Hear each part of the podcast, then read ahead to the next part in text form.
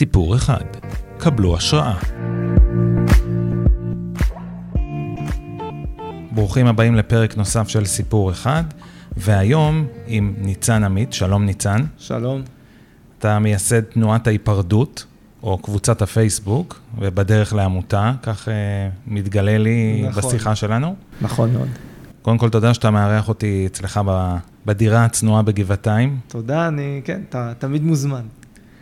Uh, אני כן uh, אתאר למאזינים שהחתולה שלך, uh, עליך, לא, לא מתרצה פה משום פתרון, אז אם תשמעו יללות... תדעו שאנחנו פה תחת כוח טבע בלתי ניתן לעצירה. אה, ואנחנו נהיה כמה שיותר ענייניים וננסה להתעלם ממנה. יאללה, אז נתחיל. אז קודם כל, אה, ככה, קצת שנכיר אותך, בין כמה אתה היום ומה אתה עוסק, מה, מה המקצוע שלך? אז אה, נעים מאוד קודם כל, קוראים לי ניצן, בן 33. אני עוסק בכלל בתחום של שוק ההון, אני מרצה, אני משקיע.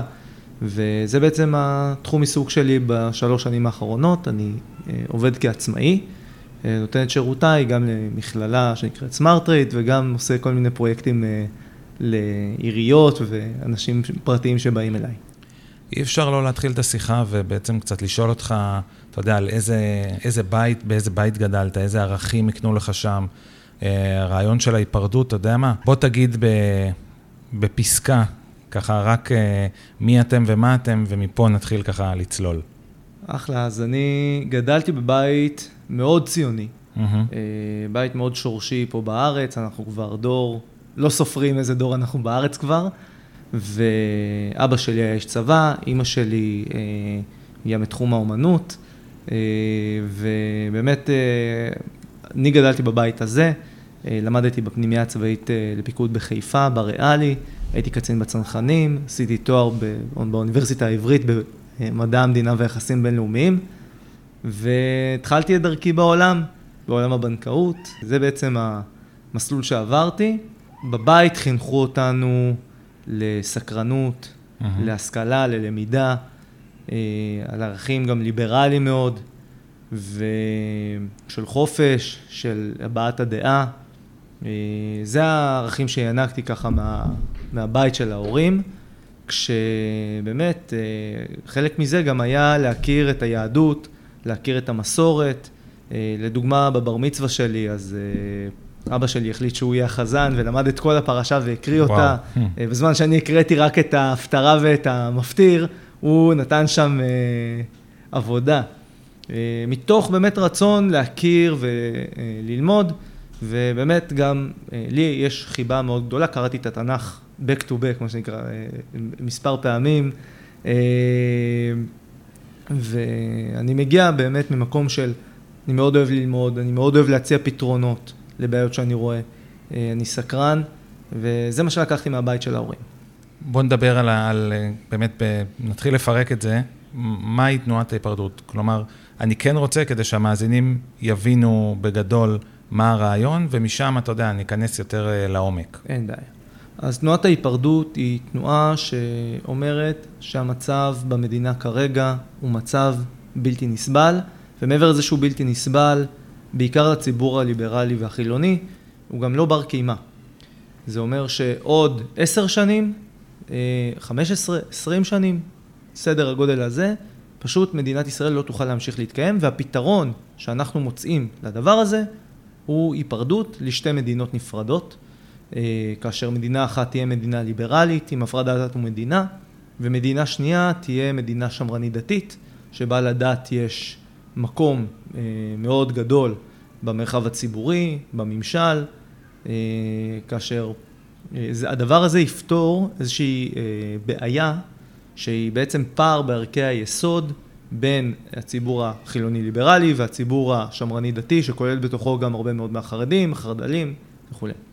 ויקראו להם ישראל ויהודה, נכון?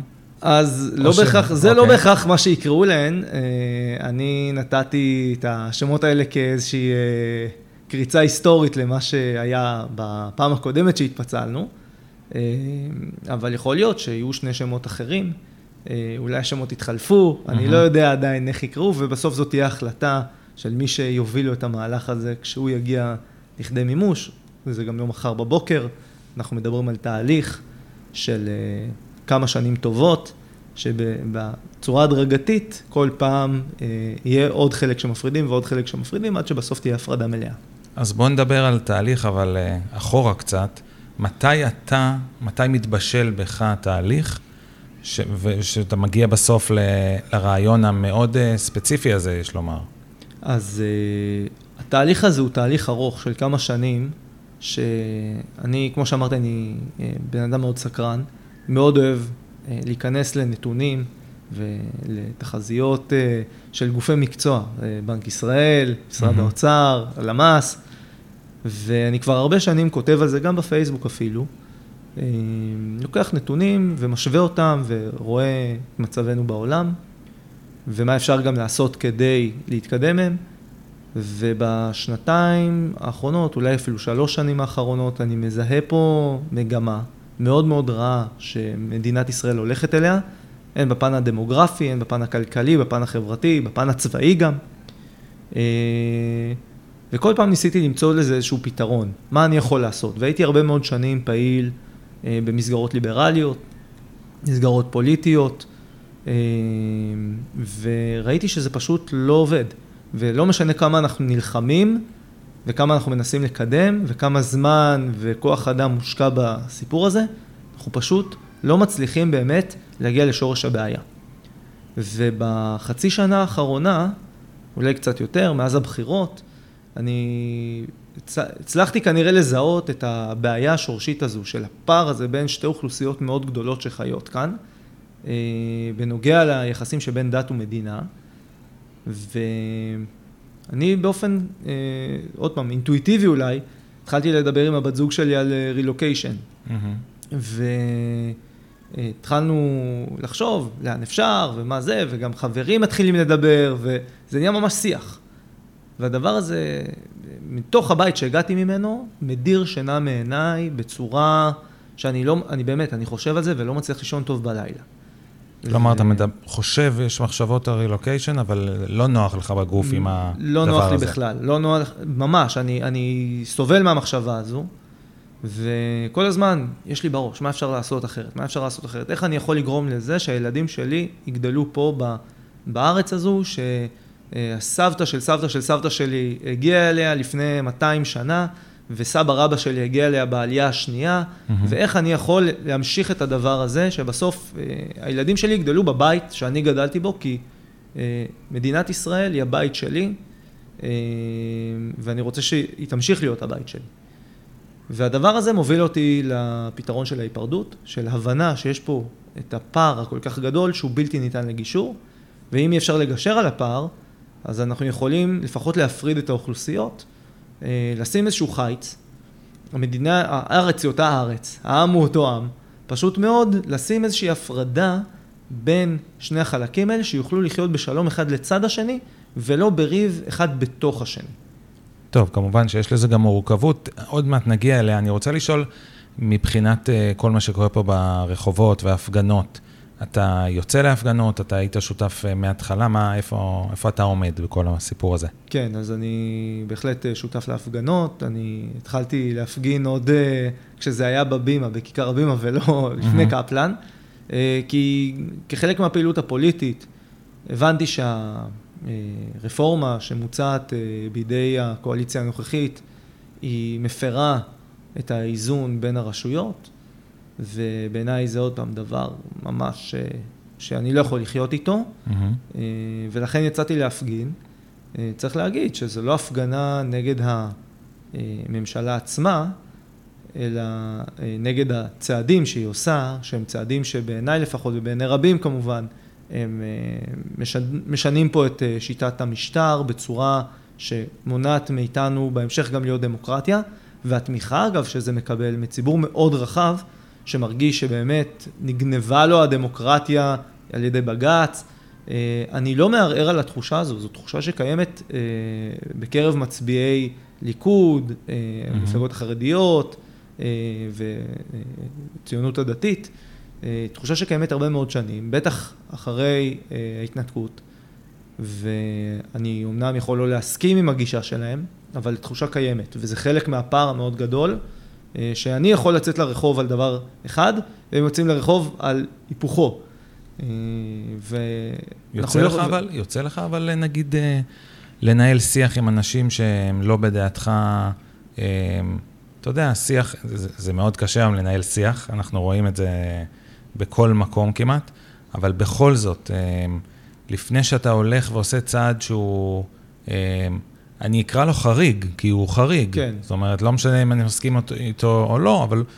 אה, אז, אז יצא לך קודם אה, ככה, או עשית איזשהו פיילוט בקרב מי שאתה ככה דיברת איתו? אז כן, קודם כל יש לי הרבה מאוד חברים מכל הצדדים של המפה הפוליטית, מאנשים שהצביעו לחד"ש, mm-hmm. או רשימה משותפת, ועד לאנשים שהצביעו לבן גביר. אה, וגם אנשים אגב שאני מכיר שחושבים שבן גביר הוא, הוא מרכז. זאת אומרת, אוקיי. זה ה... שאומרים אנחנו ימנים אמיתיים, בן גביר הוא התמרכז עם השנים. אה, ויצא לי לדבר עם לא מעט אנשים לפני כן, וגם עוד במהלך השנים הייתי פעיל פוליטי, גם עם חרדים. אה, אני אישית גם עובד בבני ברק, באזור תעסוקה שם בבני ברק, mm-hmm. ויוצא לי לפגוש, כולל אפילו לחלוק משרד משותף עם חרדים.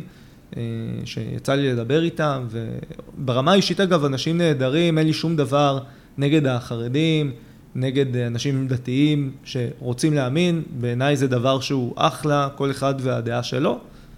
אה, אבל אה, גם יצא לי, כשדיברתי איתם, להבין את הפער. שפתאום אתה רואה כמה אותו אדם, תפיסת העולם שלו, תפיסת המציאות שלו, כל כך שונה משלך.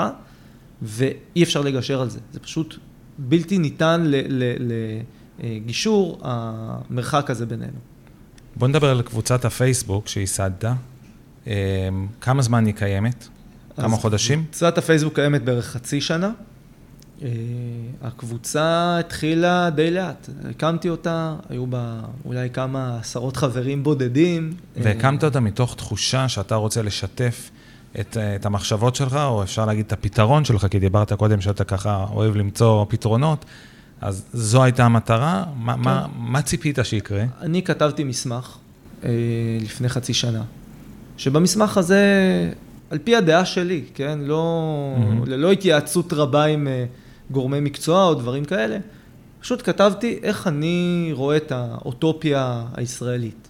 אה, ובכתיבת המסמך הזה, אה, גם בהתחלה זה לא היה בהכרח על ההיפרדות, אלא פשוט איך מדינת ישראל צריכה להיראות. וככל שהתעמקתי בדברים, הבנתי שההיפרדות זה הפתרון היחיד שיכול להיות גם בר קימה. וכתבתי מסמך, פתחתי את הקבוצה, שיתפתי את המסמך הזה בקבוצה, mm-hmm. ואנשים uh, התחילו לקרוא אותו, וכמובן גם יש שם את המפה שכולם ראו לה אצל אופירה וברקו, כן. שעברה גם כמה רוויזיות uh, במהלך הזמן. אה, ועוד תעבור רוויזיות, זה לא המפה הסופית, חייבים להגיד, זו מפה שהיא מפה רעיונית, אה, אבל כן, זה, זה משך אנשים, והדבר הזה יצר עניין בקבוצה, ולאט לאט התחילו להצטרף עוד ועוד ועוד. עכשיו זה נראה כבר לא לאט לאט, זה נראה מהר. זאת אומרת, יש אתם כבר יותר מ-44 אלף חברים, נכון? נכון, אנחנו יותר מ-44 אלף חברים. רוצים להגיע בקרוב כבר ל-50 ולתת את הבוסט השני. באמת היו לנו שני בוסטים עיקריים. הראשון היה אה, אחרי איזשהו אייטם בערוץ 14, mm-hmm. שהם לקחו ממש קטעים מהמסמך ופרסמו וממש ירדו עלינו ואיזה מסוכן זה וזה, ואז הצטרפו עוד כמה אלפי אנשים. אה, והבוסט הרציני היה אחרי החקיקה של ביטול עילת הסבירות, שכאן בן רגע, זה היה מדהים, הייתי בירושלים בהפגנה, הייתי ברכבת הביתה, אה, אני רואה שהחקיקה עברה, מסתכל בקבוצה, עוד אלף. אחרי שעה, עוד אלף. אחרי mm-hmm. שעה, עוד אלפיים. וזה ככה המשיך, עד שהגענו לאזור ה-35, כמעט 40 אלף אנשים, ושם זה קצת התמתן, ועדיין כל יום מתווספים לנו מאות אה, תומכים חדשים בקבוצה, אנשים שבאמת הרעיון הזה מעניין אותם. תראה, יש שם, אה, עשיתי קצת, גוללתי קצת את ה... תגובות שם, זאת אומרת, יש שם, זה קשה מאוד לעקוב, היא פעילה מאוד מאוד, ו, ויש המון אה, דיונים והמון תגובות. אה, קודם כל, מבחינת ההתנהלות שלה, כל מי שחבר בה, מבחינתך אתה באמת רואה שאתה לא יכול אולי למדוד את זה בצורה, אתה יודע, הכי מהימנה, אבל אתה אומר, אנשים לא נכנסים לשם סתם, כלומר, מי שבא ונהיה חבר, זה לא רק מתוך סקרנות, זה יש פה איזושהי גם הסכמה? אז יש, זה עוד פעם, מתחלק לכמה חלקים, אין לי דרך למדוד את זה, כן. כי כל אחד מצטרף לפי ה... מה מהסיבות שלו, כן, כן. הסיבות שלו, אני לא יכול להיכנס לאנשים לראש, אבל ממה שאני רואה, אז יש המון אנשים, בטח מהתגובות שאני מקבל גם באופן פרטי, אה, אז אנחנו רואים תמיכה מאוד גדולה, בטח במי שמצטרפים כחברים לקבוצה.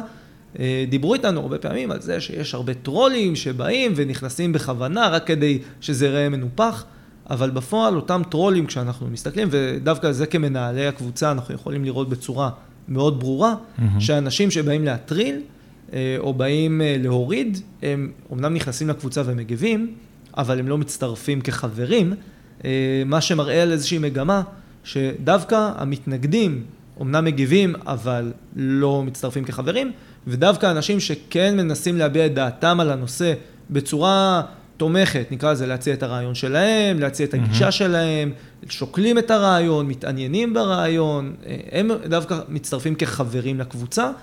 ועוד פעם, אני חושב שזה גם מתוך הבנה שככל שהקבוצה הזו גדולה יותר, אז הכוח, המנוף הפוליטי שיהיה לה אה, על נבחרי הציבור, הוא יהיה יותר גדול. כן. אה, כמו שאמרנו גם לפני שהתחלנו, שגם בן אדם שנמצא בהפגנה בקפלן, והוא לא תומך בהפגנה, הוא נספר. אבל הוא נספר, ואז כן. אומרים, יש בהפגנה 100 או 120 אלף, אז יבואו עכשיו 50 אלף מתנגדי הפגנה, שיהיו פזורים בקהל, כן. אף אחד לא סופר את זה כמתנגדים, אלא הם פשוט כחלק מה- מה-50 אלף. נכון. תראה, זה לא סוד שאי אפשר לקרוא לזה אחרת מקרע בעם. יש קרע בעם, קרו פה דברים שלא קרו אולי מעולם.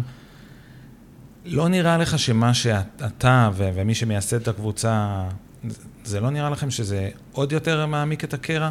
כלומר, אני שונא את המילה אחדות, כי כבר אומרים אותה כל כך הרבה, ו- ו- ואני באמת לא, אני, אני כמעט ולא רואה את, ה- את הדבר הזה, אולי זה מה שמוליך אתכם, אבל האם ויתרתם למעשה, אתה יודע, למרות כל המחלוקות, לייצר איזושהי אחדות או איזשהו שיח? זה, זה מה שעכשיו, זה, אתה יודע, זה, כמו שאמרתי, זה חריג או קיצוני. אחדות, אה, כמו שאמרת, אתה כבר יצא לך מכל החורים המילה הזו. כן. כי רובנו, בטח בציבור הליברלי, כבר מבינים שהאחדות הזו שכל הזמן מנסים למכור לנו, היא כסות. למה היא כסות? לבעצם איזשהו קניית זמן. איזושהי קניית זמן של, אה, בסדר, הדמוגרפיה לטובתנו, הפוליטיקה כבר לטובתנו, וככל שעובר הזמן, אז הנה, עכשיו זה הרכבת הקלה, וזה הפיילוט במעיינות, וב- ובחופים, ולאט לאט כל פעם מכניסים לך עוד משהו, עוד משהו, ואחרי שמכניסים לך אותו אומרים, אה, לא, אחדות, אחדות. אה, וכשאתה מזהה את המגמה הזו, לא, זה לא התחיל השנה, זה קיים כבר עשרות שנים. ואתה מבין שאין באמת אחדות, כי כשאתה מסתכל על נתוני הגיוס לצבא, אתה רואה שאין אחדות. כשאתה רואה על, אה, אתה מסתכל על נתוני המיסים, אין אחדות. כשאתה מסתכל על חלוקת המיסים לאוכלוסיות השונות, מהמם. אין אחדות. אז אם אין אחדות, לא בביטחון ולא בכלכלה ולא בחברה ולא... אז, אז מה זה האחדות הזו שכולם מנסים להשיג אותה כשהיא לא באמת קיימת, אה, מלבד תירוץ. ואני אומר, האחדות הזו מעולם לא הייתה קיימת. אולי לפני 50 שנה, אבל בטח ב-20 השנים האחרונות האחדות הזו כבר לא קיימת. וצריך להכיר במציאות הזו. זה פשוט הכרה במציאות. אני לא קבעתי שאין אחדות. מהמם. אני רק מכיר בזה שהיא לא קיימת. וברגע שאני מכיר בזה שהיא לא קיימת, והערכים כל כך שונים אחד מהשני, אז הפתרון הוא מתבקש, פשוט להפריד כוחות. אה, כמו בני זוג, שיכולים אה, לגור במשך שנים באותו הבית, אבל אה, כל אחד מהם מנסה למשוך למקום אחר, וככל שהזמן הולך ומתקדם, אז כל אחד יותר ויותר מתרחק מהשני. בסופו של דבר אתה יכול להגיד, בוא נישאר ביחד רק כדי להיות ביחד, אבל הרבה פעמים דווקא גם מחקרים שמת, שמסתכלים על הדבר הזה, זוגות לא מתפקדים שנשארים באותו הבית, זה גם עושה נזק לילדים. מהמם. ודווקא גירושין, אה, ואולי כל אחד אחרי זה ימצא את הזוגיות שמתאימה לו, דווקא זה מייצר אצל הילדים אה, אה, גישה הרבה יותר בריאה גם לגבי מערכות יחסים. אני עצמי לא, לא התגרשתי בין הילדים, אבל אני כן קראתי על זה קצת. וזה תהליך שגם רואים אותו היום. תראה, אם אני בן אדם מהיישוב, ועכשיו אתם אה, מיישמים את התוכנית שלכם, ואני בכל זאת מבקש ממך למצוא, נקרא לזה חיסרון בולט של התוכנית שאתם מציעים, או או אתה יודע, משהו שיש בו מורכבות שאולי יהיה קשה לגשר עליה, על מה היית שם את האצבע? וואי, יש המון, המון כשלים בדרך שיכולים להיות. בין אם זה, קודם כל, שאנחנו גם תלויים בהסכמתו של הצד השני. אנחנו מדברים על היפרדות בהסכמה, אנחנו לא רוצים פה מלחמת אזרחים. Mm-hmm. אנחנו, אני אישית מאוד מפחד שנגיע לעולם הזה של מלחמת אזרחים, כי ברור לי שזה לא ייגמר בטוב לאף צד. אה, אז זה תלוי בהסכמה של הצד השני. זה, יש פה הרבה מאוד מורכבויות של חלוקת התשתיות, של חלוקת הצבא, של איך בדיוק יחלקו את השטח, מה התהליך עצמו אומר, ואנחנו מנסים לאתר את המורכבויות האלה ולהביא גם אנשי מקצוע ואנשים שהם אה, בעלי הידע הרלוונטי כדי לפתור את המורכבויות האלה אה, ולהגיע לאיזשהו פתרון. אבל נוכח כל הכשלים האלה, mm-hmm. צריך להגיד שעוד פעם, אם לא נפתור אותם, זה לא שתהיה פה אחדות, אלא אנחנו נקרוס. האלטרנטיבה פה היא היפרדות או קריסה, לא היפרדות או אחדות. כלומר, אתה אומר, כל מה שעושים עכשיו זה סוג של פלסטר, זה טלאי, טלאי כן. טלאי, ולא, לא, הבעיה לא נפתרת כאילו מהשורש. נכון. גם המחאה, שאני מתומכיה הגדולים, mm-hmm. גם המחאה היא פלסטר. אה, אפילו השתמשתי באנלוגיה לסיפור הזה, שהמחאה היא כמו בלון חמצן mm-hmm. לדמוקרטיה הישראלית. שכרגע אנחנו נלחמים ונלחמים, זה מונע מאיתנו לטבוע. אבל בלון חמצן סופו להיגמר, והתפקיד שלנו כתנועה הוא למצוא את האי או את הספינה שאפשר לעלות עליהם. כי אם לא, זה שאתה בתוך הים ואתה הולך לטבוע, אז נכון, אתה יכול להחזיק עוד שעה, עוד שעתיים, אבל אם לא תעלה על אי, או לא תמצא ספינה שתציל אותך, אז אתה תטבע בסופו של דבר, ולשם מדינת ישראל הולכת, אנחנו הולכים לטבוע. זה יהיה תביעה בהתחלה שהיא דמוגרפית, אחר כך היא גם תהיה פוליטית, כלכלית, ובסוף גם צבאית. שלא נוכל להחזיק יותר צבא מתקדם. בוא ניקח רגע, אמרת את הצבא, נניח ו... ואנחנו מפרידים לשתי מדינות, ואיך יעבוד הצבא? כלומר, האם אנחנו מדברים היום על בעיה מאוד גדולה של אה, גיוס של הצד החרדי, אה, אז uh, הצד הליברלי בסדר, אני, אין שום בעיה עם הצבא, ויש בעיה אפילו היום, אבל לא משנה. אני אומר, אם, אם אנחנו ככה מסתכלים על משהו אוטופי, אחרי שחולקו שני הצדדים, יהיה צבא למדינה השנייה, זו שמורכבת בעיקר מ, כמו שאמרת, חרדים או אנשים שהם uh, ככה יותר קרובים לדת? אז התשובה היא uh, לא תמונה בשלב הסופי, אלא היא תמונה דווקא ב... חמישה שלבים שלפני, או בארבעה שלבים שלפני החלוקה הסופית, כי ברגע שתתחיל להעביר סמכויות לרשויות מקומיות, או אפילו הרשויות המקומיות פשוט יתחילו לפעול באופן אוטונומי, mm-hmm. ולאט לאט תשלומי המיסים יוסטו לכיוון הציבור הליברלי. הציבור החרדי, שיש לו הון אנושי מצוין, והציבור הדתי-לאומי שיש בו הון אנושי מצוין, אה, יתחילו גם הם להשתתף אה, בנטל של המס, בנטל הגיוס, לא תהיה להם ברירה. ברגע mm-hmm. שהם יבינו שאין פה ברירה אחרת, גם הם בתהליך הזה כבר יתחילו לבנות לעצמם את המסגרות. האם יכול להיות שהציבור הדתי-לאומי, הציבור המסורתי, יחליט שהוא מגבה את הציבור החרדי באי גיוס? יכול להיות.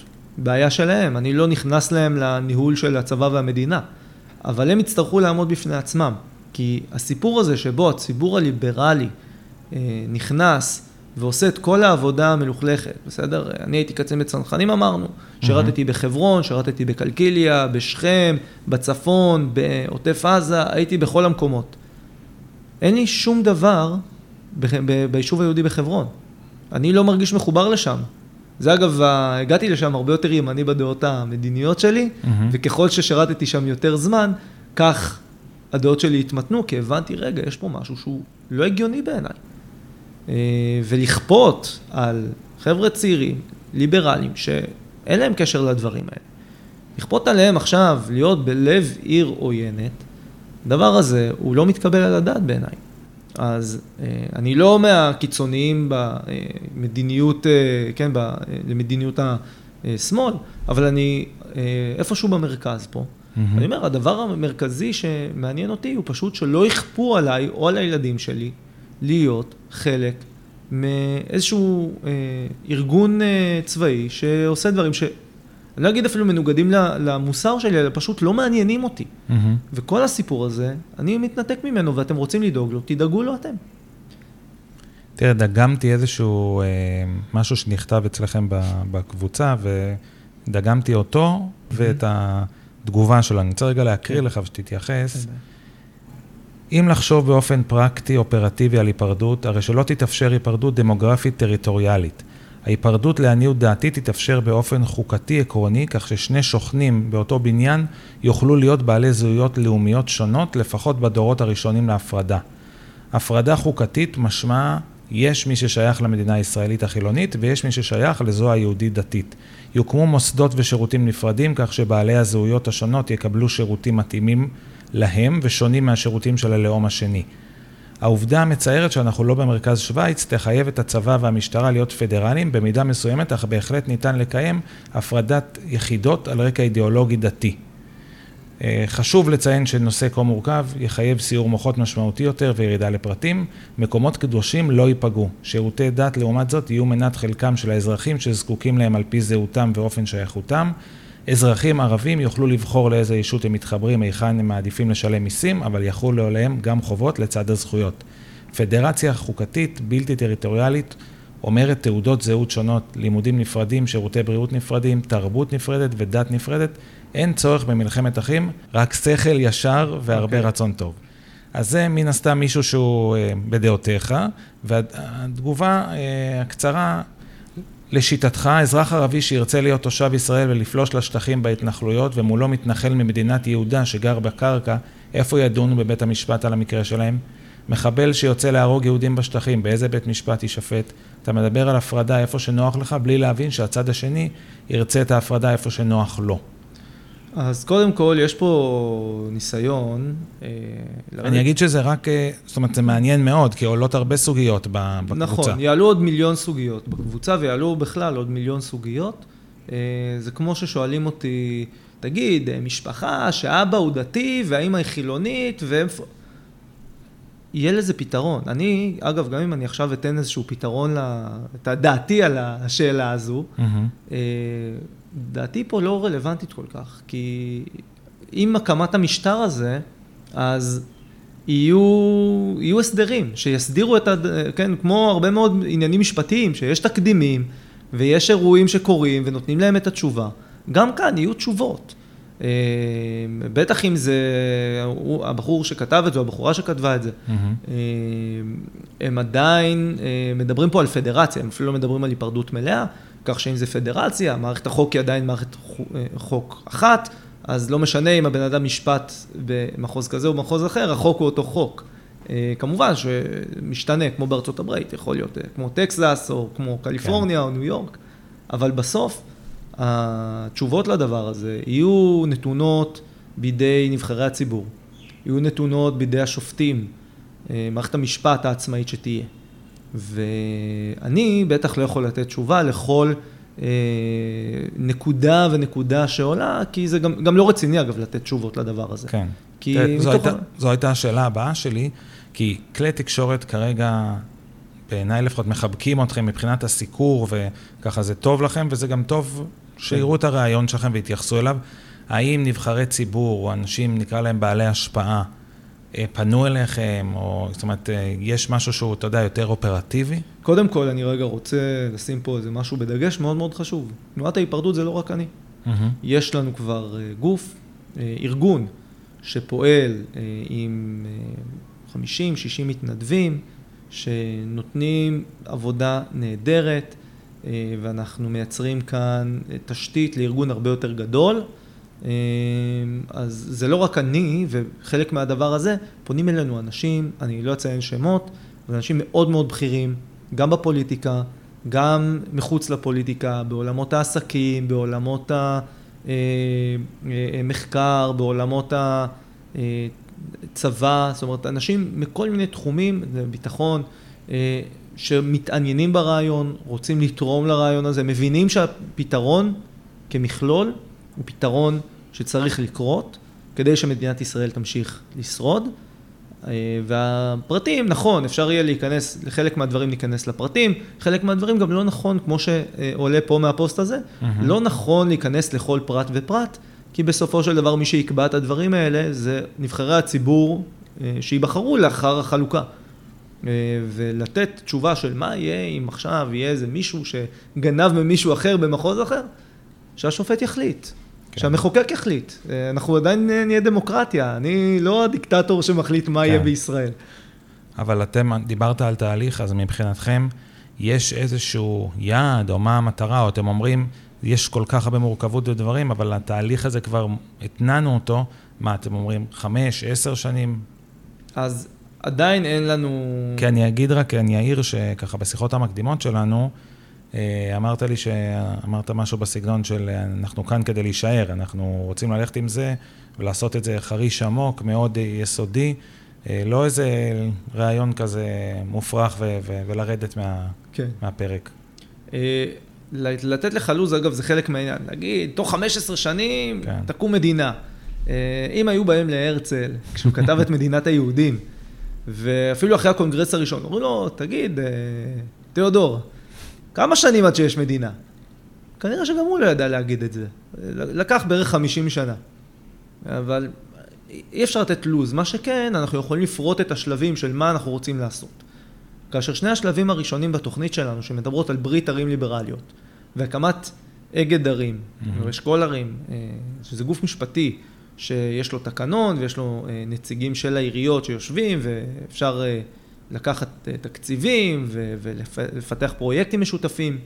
אז דבר כזה יכול גם תוך שנה מהיום, אתה יודע מה, שנה אחרי הבחירות, בסדר? Mm-hmm. שנה ושלושה חודשים מהיום, כבר יכול לעמוד. ורק הדבר הזה ישפר משמעותית את החיים של הציבור הליברלי בישראל.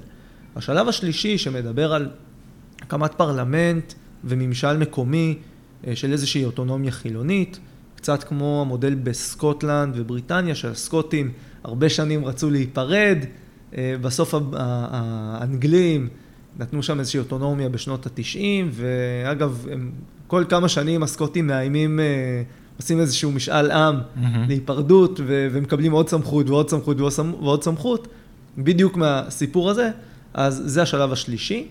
אה, והשלב הרביעי מדבר על פדרציה.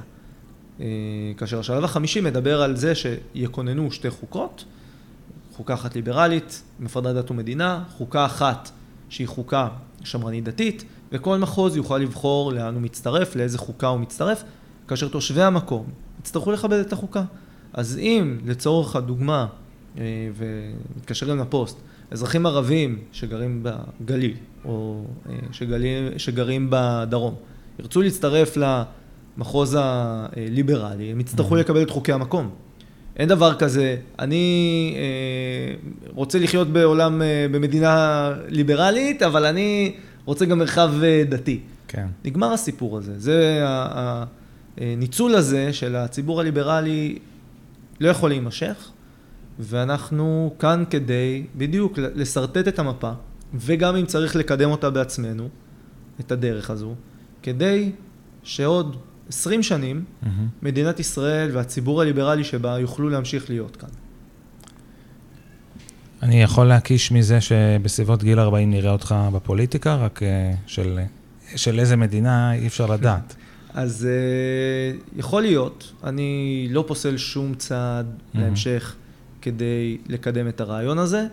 Uh, להגיד שאני אהיה ראש הממשלה או חבר כנסת או שר או משהו, כמובן זו אמירה מאוד יומרנית, אני לא רוצה להיכנס לזה, אה, אבל אם הציבור, אה, אם אני אראה שזה מתאים והציבור יראה בי כמתאים, אז אה, אני לא, אני לא אגיד לא. אוקיי, אתה מוקלט, זה מה שחשוב. לסיכום, אני רוצה לשאול, מה התגובה הכי עוצמתית או מרגשת שקיבלת בעקבות כל הפעילות שלך? ומנגד, מה התגובה הכי, לא יודע, שאמרו לך שאתה לא יודע, מופרך, שאתה, שאתה משוגע, ש... או, ש... או לא יודע, דברים שהם אה, דווקא מלאי הרס, אה, או משהו כזה. אז uh, התגובה, יש, עוד פעם, זה, זה לא תגובה אחת, זה, זה תגובה שחוזרת על עצמה. ודווקא החזרתיות הזו מביאה את העוצמה. של אנשים, אה, גם שגרים בארץ וגם ישראלים שעזבו את הארץ, וכותבים לי במאות, אתה מחזיר לנו את התקווה, שיהיה אפשר לגור פה. ואם זה היה בן אדם אחד, אתה אומר, וואלה, איזה כיף. אם זה שניים, ממש יפה. אבל כשזה מאות אנשים שאומרים לך, אתה מחזיר לנו את התקווה של הארץ הזו יהיה עתיד, שנוכל לגור פה, שנוכל לחזור לפה. Mm-hmm. אנשים שעזבו ומתים לחזור, אבל הם אומרים, אני, אני, לא, אני לא אחזור כי, כי המדינה מידרדרת. ופתאום אתה נותן להם את השביב הזה של הנה, הילדים שלי יוכלו להיות כאן בארץ, הדבר הזה הוא עצום מבחינתי, וזה נותן לי המון כוחות אה, להמשך. והתגובות אה, המורידות, mm-hmm. שנקרא, אז קיבלתי הרבה, אגב, הרבה פחות, תגובות שהן אה, קוראות לי אה, משוגע, ואתה תהרוס את המדינה, והדבר הזה דווקא יוביל לחורבן. אפילו תגובות מאנשים שגדלו איתי כ- כילד, שהיו איתי ב- ביסודי, בחטיבה, ופתאום מה זה, אתה, אתה מחריב את המדינה, ומי אתה בכלל, ואיך אתה זה. אמ, אני מקשיב לדברים האלה, אבל אני חייב להגיד שציפיתי לתגובות האלה, ואני מאמין אה, בלב שלם שהדרך הזו היא דווקא הדרך להציל את מדינת ישראל ולא אה, להחריב אותה, ומתוך אהבה לארץ הזו ולמדינה הזו, זה מה שמניע אותי, אני לא בא משנאה, כמו שהרבה מנסים אולי לצייר את זה, mm-hmm. אלא להפך, מאהבת החופש, מאהבת המדינה, מאהבת המולדת שלי, אה, וזה מה שנותן לי את הכוחות להמשיך הלאה, אה, גם כשקשה, גם כשלא משלמים לי על זה. אה, בשביל זה אנחנו כאן, כדי באמת לייצר לעצמנו עתיד. אוקיי, okay, מה... דברים עטופי התקווה האלה, אני רוצה להגיד לך, ניצן, תודה רבה שאירחת אותי אצלך בבית. תודה לך. חתולה שלך ששמרה על אה, ליברליות ושקט. כן, אנחנו פה, אם מסתכלים, נותנת לי בבתים של... אה, תסיים כבר. כן, תסיים, כי אני, יש לי הרבה להגיד. כן, אבל אה, באמת כל הכבוד על האומץ ועל הנחישות, ואין ספק שאם יש מישהו שאוהב את הארץ הזו, זה אתה. נוכחתי לראות את זה. אז שיהיה בהצלחה. תודה רבה.